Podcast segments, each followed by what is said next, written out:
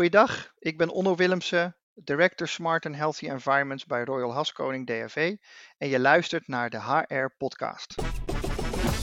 Dit is de HR-podcast van HR Academy en HR Praktijk over innovaties met impact op Human Resources Management. Welkom bij aflevering 23 van de HR-podcast over innovaties met impact op HR. Ik ben Pieter Lieversen en ik zit op mijn thuiskantoor zoals eh, gebruikelijk de laatste maanden. En mijn collega Peter van der Hout die zit aan zijn eigen keukentafel die ook al een poos zijn eh, thuiswerkplek is. Hoi Peter. Hey Pieter. En dit is uh, alweer de laatste aflevering van het eerste seizoen van de HR-podcast. We hebben met veel plezier 23 afleveringen gemaakt en we gaan nu de zomerstop in. Op donderdag 3 september start het tweede seizoen weer met een nieuwe aflevering van de HR-podcast. Maar zover is het nog niet, want nu is onze gast Onno Willemsen. En hij is Global Director Smart and Healthy Environments bij adviesbureau Royal Haskoning DHV. Welkom Onno. Goedemorgen. En waar heb jij je werkplek vandaag? Uh, mijn werkplek is thuis op mijn kantoor, zoals denk ik vele andere Nederlanders. Ja, en is dat ook de laatste maanden zo het geval? Of kom je ook nog wel van je thuiswerkplek af? Zeker, uh, maar toch het uh, merendeel van de tijd heb ik thuis gewerkt. Nou, en we gaan met uh, Onno vandaag een hele andere kant bekijken van uh, innovatie met impact op HR. En dat is de werkomgeving. En Onno's missie is om kantoren te transformeren van een statische plek van bureaus naar een dynamische plek van inspiratie, creatie en ontwikkeling. En uh, Onno ziet de werkomgeving als een waardedrager van een organisatie. Nou, wat hij daarmee bedoelt, daar gaan we hem natuurlijk straks vragen. Maar blijft in het coronatijdperk daar nog wat van over van die werkomgeving als waardedrager? Of moeten we juist zeggen dat het coronatijdperk de versneller daarvoor is? Nou, we gaan het zo van Onno horen. Ja, Onno, de werkomgeving eh, kennen we toch vooral uit de, van de agenda van facility management binnen organisaties. HR, HR loopt daar toch een beetje achteraan of is daar wat, zit er wat meer op afstand. Maar hoe zie jij de rol van HR in relatie tot de werkomgeving eigenlijk? Ja, de werkomgeving zie ik natuurlijk wel als de plek waar het moet gebeuren. We, vaak zien we de werkomgeving als het kantoor. Maar je kan natuurlijk meerdere werkomgevingen verzinnen dan het fysieke gebouw. En waarom ik vind dat het HR gerelateerd zou moeten zijn, is omdat het gaat om mensen. Wat mensen daar doen. En uh, dat mensen in staat zijn hun werk daar goed te doen. En uh, ja, dat zijn toch allemaal aspecten die heel erg dichtkomen bij wat je van een human resource verwacht. Niet alleen welke mensen halen we aan boord, maar ook hoe geven ze een omgeving dat ze maximaal kunnen presteren en zich goed voelen. Ja, dus vind jij dat HR en Facility daar dus gezamenlijk verantwoordelijk eh, voor zijn? Dat ze ook samen daarin moeten optrekken? Zeker. Ik denk dat, uh, dat de combinatie inderdaad tussen het snappen wat mensen nodig hebben om tot uh, ja, het maximale uit zichzelf te halen op een goede manier, in goede balans. In combinatie met het facilitair, wat, het, wat de diensten levert om dat zo goed mogelijk te ondersteunen, waaronder het kantoor ja, dan ga je het veel verder brengen dan het uh, leuk inrichten en goed schoonhouden van die vierkante meter. Maar dan ga je echt nadenken van ja, maar hoe doen we het nou op zo'n slimme manier dat het mensen echt gaat helpen in hun dagelijks werk. Dan ga je toch het een stap verder trekken. Dan heb ik genoeg medewerkers voor al, genoeg bureaus uh, voor alle medewerkers staan. Ja, en, en vind je dan ook dat, dat, dat facility of HR, een van de twee daar dan het voortouw in moet nemen? Of? Nou ja, eigenlijk vind ik dat uh, de werkomgeving en wat, hoe de, effecten die dat heeft op uh, de, de veranderingen die je ook zoekt in je organisatie, hoe mensen werken, hoe mensen samenwerken, ja, dat is, uh, vind ik eigenlijk meer en meer een bestuurstafel item worden. Zeker in deze tijd, maar daar komen we straks vast nog op wat corona daarmee doet. Uh, dan een, een kostenpost. En vandaar dat, uh, ja, wie neemt het voortouw? Ja, iemand aan de bestuurstafel zou dat voortouw moeten nemen. En als dat een HR-functionaris is, ja, laat die dat dan zeker doen. Oké, okay. maar het kan desnoods toch op een hoger niveau liggen, zeg je dus zelf al. Ja, heb je ook het, het, idee dat HR het ook al meer binnen zijn domein vindt komen? Of is het, ligt het nog een beetje onder in de gereedschapskist? Ja, je zie, ik zie bedrijven die inderdaad uh, de, de, huisvesting echt als onderdeel van HR uh, nemen. Ook daar de, de lijnverantwoordelijkheden hebben georganiseerd tussen facility diensten en HR. Omdat ze er echt van overtuigd zijn dat die werkomgeving bijdraagt aan het succes van hun business. De NS heeft daar recentelijk een blog over geschreven, hoe de kantoor bijdraagt aan het beter rijden van de treinen. En zo zie je ook bedrijven als BMW die uh, uh, hun HR-afdeling ook echt hebben ingezet om die werkomgeving goed in te richten. Dus je ziet dat er verschillende bedrijven daarvan overtuigd zijn wat wij vaak zien is dat die bedrijven die dat doen, een hele duidelijke focus hebben op de bijdrage van de mens. Het aspect mens in hun bedrijfsproces zien zij als uh, onderscheidend. En dan zie je dat daar op die plekken dat het meest natuurlijk begint en men daar echt op die manier over nadenkt. Hoe laat ik die werkomgeving bijdragen aan het werkgeluk en de prestatie van mensen? Maar zijn dat nog de buitenbeentjes, Onno? Of is dat juist de kopgroep? Zijn zij de eerste? Gaan er meer volgen? Hoe, hoe kijk je daarna? Je ziet dat de, de war of talent, die we natuurlijk best wel een poos horen, dat dat al uh, het een en ander heeft uh, doen versnellen. Uh, buitenbeentjes zou ik het zo niet noemen.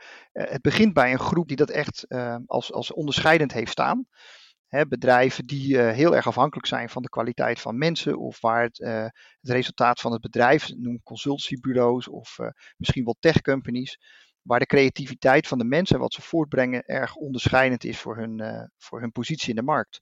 Ja, daar, daar begint, is die focus begonnen. Om echt na te denken van wat zoeken wij in die werkomgeving aan elementen die onze mensen helpen uh, maximaal creatief te zijn. Uh, veel meer productief te zijn, zodat je je positie kan versterken. Dus er zijn van verschillende klanten, groepen, zijn er wat wij noemen verschillende waardedragers. En wij zien dus dat er een hele duidelijke koppeling te maken is tussen die waardedragers bij die klant en de manier waarop je uh, je, je, je kantooromgeving inricht. En die bedrijven die dat dus hoog hebben staan, zie je dat die dus uh, ja, als eerste naar voren zijn gekomen zeggen, ja, laat ons, neem ons dan maar mee. En laat ons dan eens zien hoe we die koppeling kunnen maken en wat we daarin kunnen bereiken. Wat bedoel je daar dan precies mee? Het kantoor als waardedrager, hoe, hoe ziet dat eruit? Ja, uh, nou kijk, om dat, om dat te duiden wat dat betekent, moet je natuurlijk eerst bepalen welke waarden wil ik uh, naar boven halen. Dus bijvoorbeeld zit je in een digitale transformatie, uh, dan is het agile werken, wordt dan een steeds groter element. Ik noem even een voorbeeld, hè, als voorbeeld. Wordt een steeds groter element in je dagdagelijks werk, het agile werken. Voor een grotere groep mensen. Daar moet je de fysieke omgeving op aanpassen. Als, jouw, als jouw methode is te maximaliseren op het aantal vierkante meters per medewerker. Dus zoveel mogelijk medewerkers op een vierkante meter gemiddeld. En het maximaal uitnutten van bureaus en daar je factoren wat stretchen, zodat je met minimale vastgoed eh, de maximale mensen kan supporten, ja, dan is dat tegen wat eigenlijk een agile omgeving nodig hebt. Met juist plekken waar je één op één overleg kan doen, waar je met een stand-up ochtends begint, waar je een eigen ruimte hebt met allemaal uh, uh, planning daarop, met je backlog, over hoe je de week ziet. Dus het, het samenwerken in zo'n groep en in staat zijn daar veel dynamischer mee om te gaan, vraagt mogelijk om veel meer ruimte dan wat je doet als je zo efficiënt mogelijk met je vastgoed om wil gaan. Dus als je die transformatie naar digitaal uh, uh, neemt of uh, ingaat en je meet dat aan de hoeveelheid agile werkplekken en je gaat vandaar zeggen van hoe richten we dat nou zo in dat die mensen daar optimaal kunnen werken, ja, dan draagt dat natuurlijk vanzelfsprekend heel veel waarde bij op wat er uit zo'n agile scrum proces komt. En, en dat is de manier waarop je, wat ik vind dat je het zou moeten aanpakken. Begin mee wat je wilt bereiken en vertaal het dan terug hoe de beste setup is. In plaats van dat je uh, blijft doorgaan uh, om het als een kostenpost te zien en kijken of je uh, met minder vierkante meters meer kan bereiken. Maar is er dan onno een beperking aan de soort van waarde die je in het kantoor kan vertalen? Want van agile dan is dat wel helder. Maar er zijn natuurlijk tal van waarde. Uh, als je al de waardestatements van organisaties ziet, moet je daar een soort van selectie in maken om die überhaupt te kunnen vertalen naar je pand? Of leent elke waarde zich ervoor om te vertalen naar je werkomgeving? Um, ja, dat, dat hangt natuurlijk wel van de situatie af. Maar waar, waar ik zeker vind wat moet gebeuren in eerste instantie, bepalen welke waarden voor jou belangrijk zijn. Is dat de innovatieve slagkracht van je bedrijf? Is dat juist de cost efficiency? Is dat je, je, circul of je, je, je, je sustainability? Dus hoe energiezuinig en hoe circulair kan je ergens mee omgaan? Daar zitten dus een aantal uh, uh, mogelijk tegenstrijdige elementen ook in. En om door goed te bepalen waar je op wil sturen, ja, daarna kan je de vertaling maken naar hoe doe ik dat nou zo optimaal mogelijk. Ofwel binnen mijn bestaande vierkante meters of mijn bestaande uh, behuizing. Of uh, is dat voor mij reden om toch afscheid te nemen van deze ehm, locatie en op zoek te gaan naar een nieuwe locatie. Uh, de werkomgeving als, als waardedrager. Hoe ziet dat er anders uit dan het gemiddelde kantoor van vandaag? Ja, dat is een, op zich nee, dat is een goede vraag. En uh, wat lastig te beantwoorden in één antwoord. Uh, wat het grootste verschil wat daar te zien is, is zijn de gezichten van de mensen. Dus het, zit hem zeker niet in uh, het verfje op de muur of uh, de, de, layout. Het echte effect is dat de mensen die daar lopen zeggen: Dit is het beste kantoor om te werken. Hier kan ik mijn werk goed doen. Hier wil ik graag zijn. Daar zitten de echte onderscheidende delen in. We willen graag naar kantoor, want. En het is niet een, een doodsaai gebouw waar ik moet zijn om mijn collega's te treffen. Nee, hier vind ik een omgeving met plekken waar die gewoon heel goed passen bij uh, wat ik daar op dat moment wil doen. Al is dat samenwerken met mijn collega's, al is dat uh, een telefoontje doen die ad hoc voorbij komt, of toch even na een bespreking een uurtje in een stiltehok zitten om offerte af te ronden of bij te werken. Die groep van activiteiten en het heel goed kunnen vinden van de beste plek daarvoor, die jou echt helpt, ja, dat maakt dat je met een lach zo'n kantoor binnenkomt. En ik wil ook echt breken met, ja, we hebben een open kantoor en dat is dan het, het ei van Columbus, of we hebben nu agile werkplekken en dat is het ei van Columbus. Dat, dat is niet zo gebleken dat, dat in zo'n soort concept de oplossing te vinden is. Het is veel meer dat, eh, als je goed begrijpt wat je wil bereiken en eh, daarin de meest optimale elementen, bouwblokken binnen zo'n uh, werkomgeving weet aan te bieden en dat goed kan communiceren naar je medewerkers wat je daarmee wil, dat in die combinatie veel succesvoller wordt. Maar als je organisatie verandert, kan het ook volgend jaar of over drie maanden, kan er zich iets anders voordoen, waardoor je toch weer opnieuw gaat kijken van hoe richten we het dan beter in. Dus het wordt veel meer een dynamisch proces waarin je steeds gaat zoeken naar de juiste balans tussen al die elementen.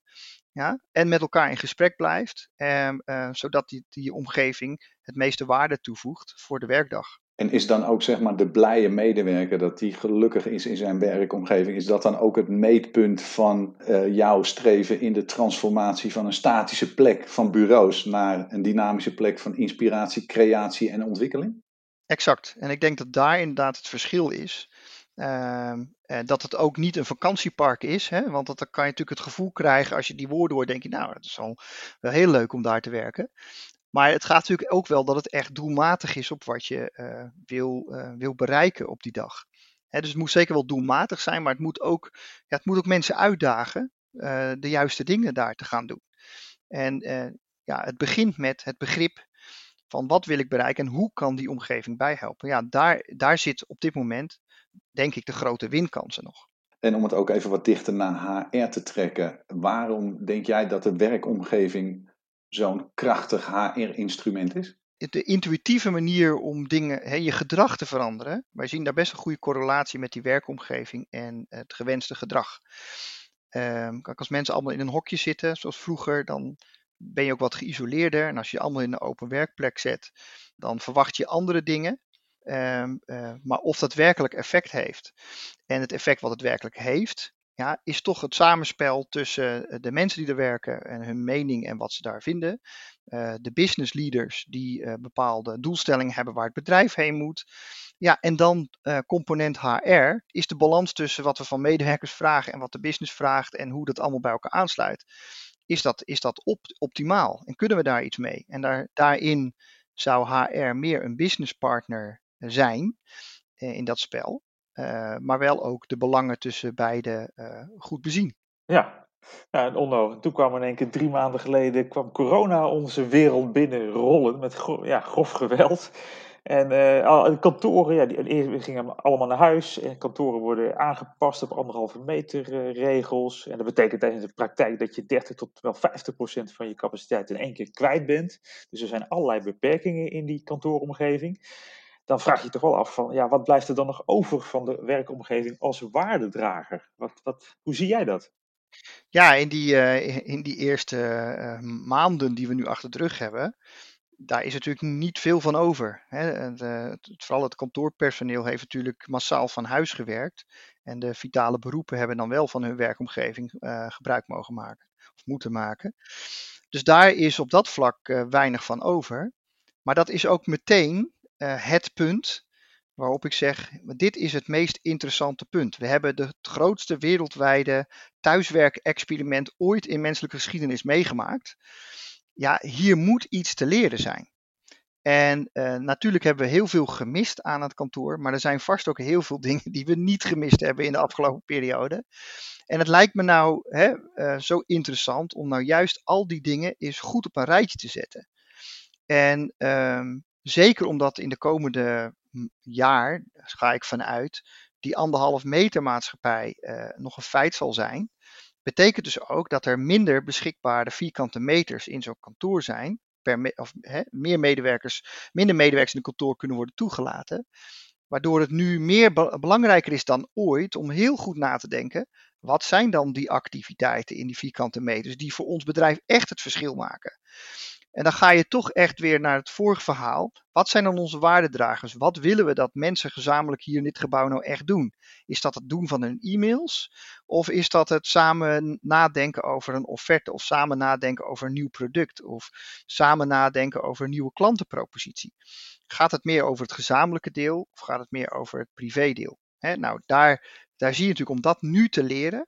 Ja, dat is een hele, uh, hele interessante periode. Waardoor ik denk ook en hoop ook dat heel veel bedrijven zich nu uitgedaagd voelen om nu echt eens even goed na te denken in de komende tijd. Van wat zijn dan die activiteiten die voor ons onderscheidend zijn om binnen die muren van ons kantoor te hebben. En hoe gaan we dat dan, misschien wel met pilots, gaan we dat nu proberen in de komende periode om dat op een goede manier te doen. Dus ik, ik denk ook dat ja, die eerste periode was een schok dat, uh, we hebben nu een soort fixfase achter de rug. Dat er met allemaal pijlen en lijnen op de grond ja. mensen uh, een soort van bewogen worden door het gebouw. Ja, dat is natuurlijk niet maximaal creatief of, of misschien wel intuïtief. Nee.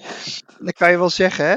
Maar als we in die komende periode juist gaan ontdekken wat, wat willen we hier beleven met elkaar en wat moet hier gebeuren om uh, het beste bedrijfsresultaat te hebben. Zorgen dat we krachtiger naar voren komen, ook als bedrijf.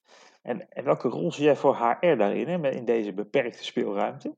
Als je het ziet vanuit het perspectief als een HR business partner, die gaat kijken hoe gaan we de combinatie van wat wij moeten doen als bedrijf, al is het een transformatie die we nu doormaken of een andere inrichting van ons werkproces. Hoe gaan we dat nou optimaal doen? Hoe gaan we die fysiek-digitale balans die uh, de eerste maanden is doorgeslagen naar de fysieke werkomgeving. Hoe gaan we die weer terugbrengen in een nieuwe fysiek-digitale werkomgeving? Ja, daar vind ik dat HR eh, een kans heeft om het bedrijf te helpen te zien van ja, wat zijn nou de verschillende mensen? Sommige mensen vinden het heerlijk om thuis te werken, maar andere mensen vinden het vreselijk. Uh, die heb je in een bedrijf. Je hebt uh, mensen die uh, alleen werk heel prettig vinden in een grote groep. of, of niet. weet je, dus er zijn heel veel verschillende. Je hebt jongeren, ouderen. Hoe ziet, dat, hoe ziet dat plaatje eruit? En als we dat plaatje goed maken, wat hebben wij dan nodig binnen het kantoor om iedereen een plek te geven of om, om, iets te bieden wat hun helpt in uh, het doen van hun werk. Dus je stelt eigenlijk voor om een persona zeg maar, ook binnen je organisatie vast te stellen vanuit de HR? Ja, ja, absoluut. Ja, en ik denk niet, hè, mijn ervaring is niet dat dat per se leeftijdsgebonden zijn. Maar je hebt mensen die thuis uh, echt verpieteren en, het, uh, en, en zichzelf niet kunnen motiveren. Die hebben zo'n plek nodig. Je hebt anderen die het heerlijk vinden om thuis in alle rust dingen uit te dokteren. En dan met een antwoord te komen. Dus er zijn gewoon verschillende uh, mensen en verschillende behoeftes ook. En dat is denk ik het, het, het, het spannende en tevens het goede aan deze periode. Als je die behoeftes goed weet in kaart te brengen. En dat weet te vertalen naar een soort scenario's wat dat kan betekenen voor de manier waarop je je uh, kantooromgeving inricht en wat je daar dan wil bieden. Nou, ik, vind dat, ik zou dat een mooie discussie vinden tussen de business en HR en facilities. Om met elkaar uh, te gaan verkennen van hoe ziet die werkelijkheid er dan voor ons uit. En wat levert dit voor mogelijkheden op om meer digitaal te gaan doen, meer vanuit huis te gaan doen, waar mogelijk. En het kantoor misschien veel slagvaardiger in te richten voor, uh, voor de andere activiteiten.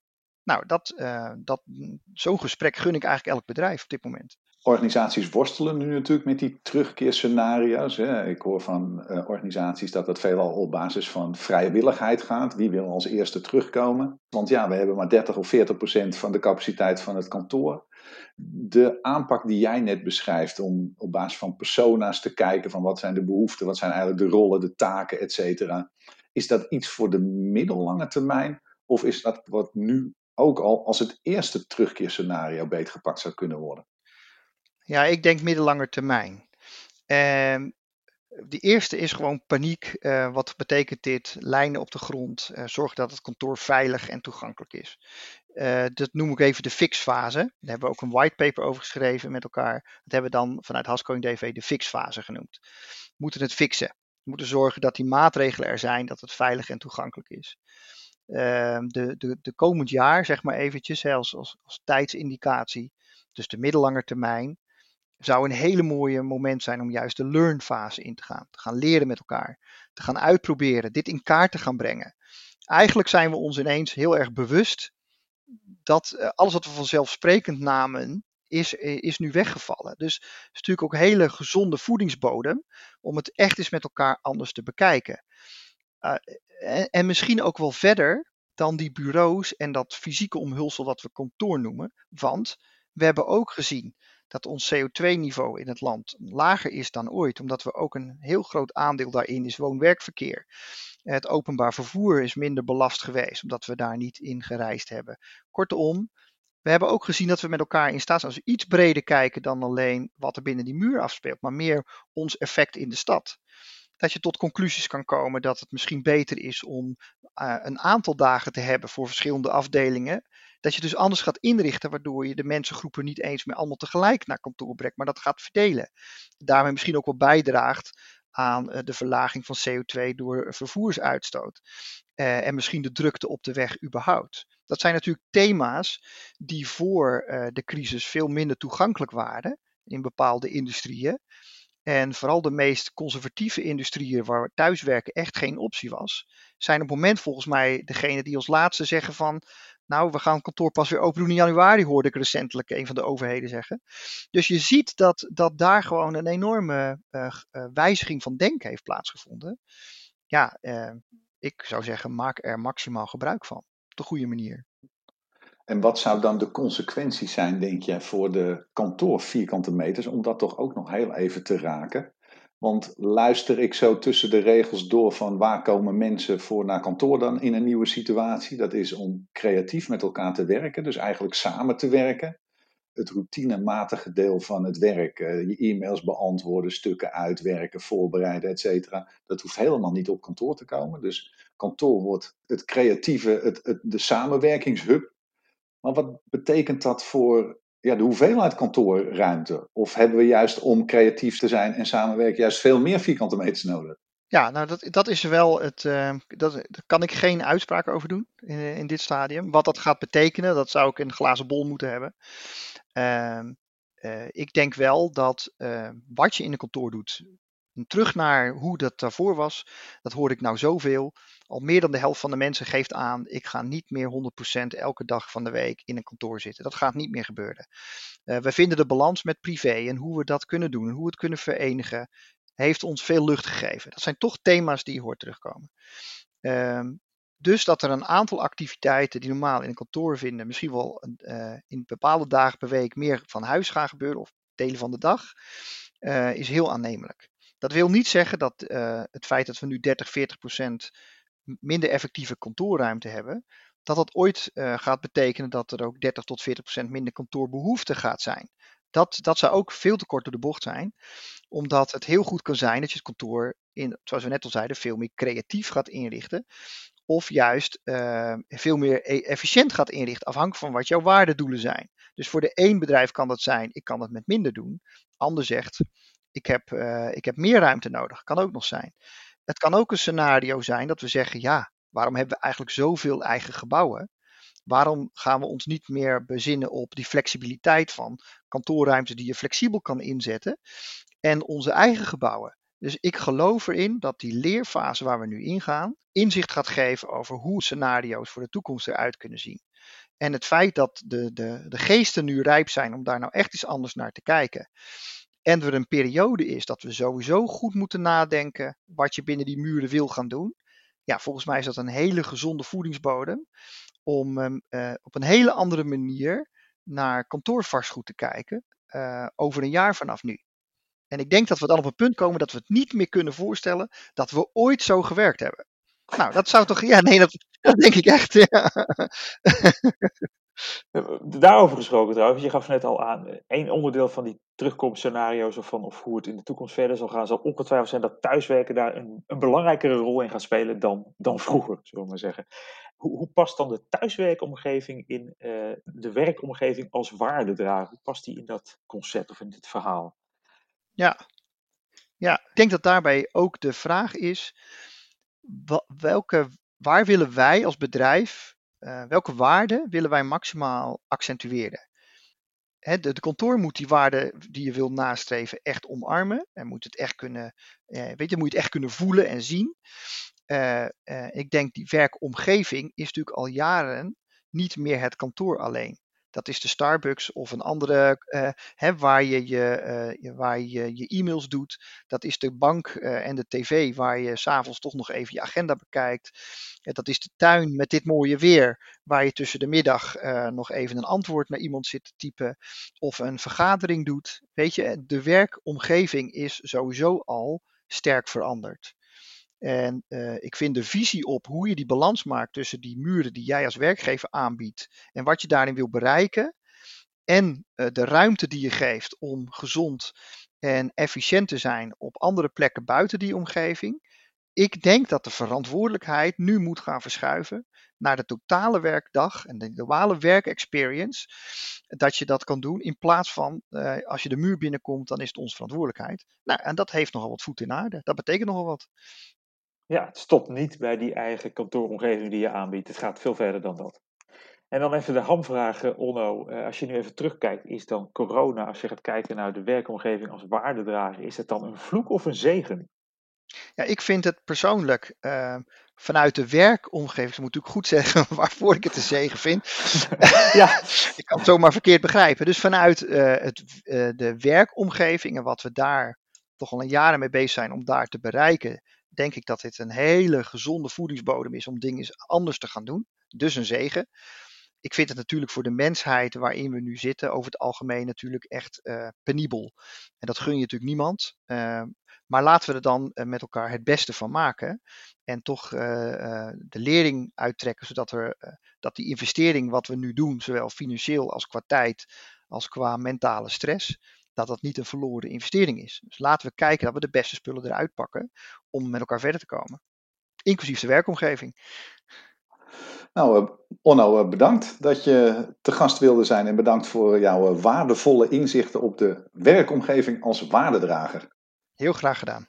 En daarmee zijn we aan het einde van weer een aflevering van de HR-podcast over innovaties met impact op HR. We zijn erg benieuwd wat jij van deze podcast vindt en laat daarom je review achter, bijvoorbeeld in Apple Podcast, want dan kunnen vakgenoten deze HR-podcast makkelijker vinden. En je kan ook een e-mail sturen naar redactie.hrpodcast.nl en dan kan je ons ook suggesties doen voor onderwerpen voor afleveringen in het tweede seizoen. Bedankt voor het luisteren en tot de volgende HR-podcast.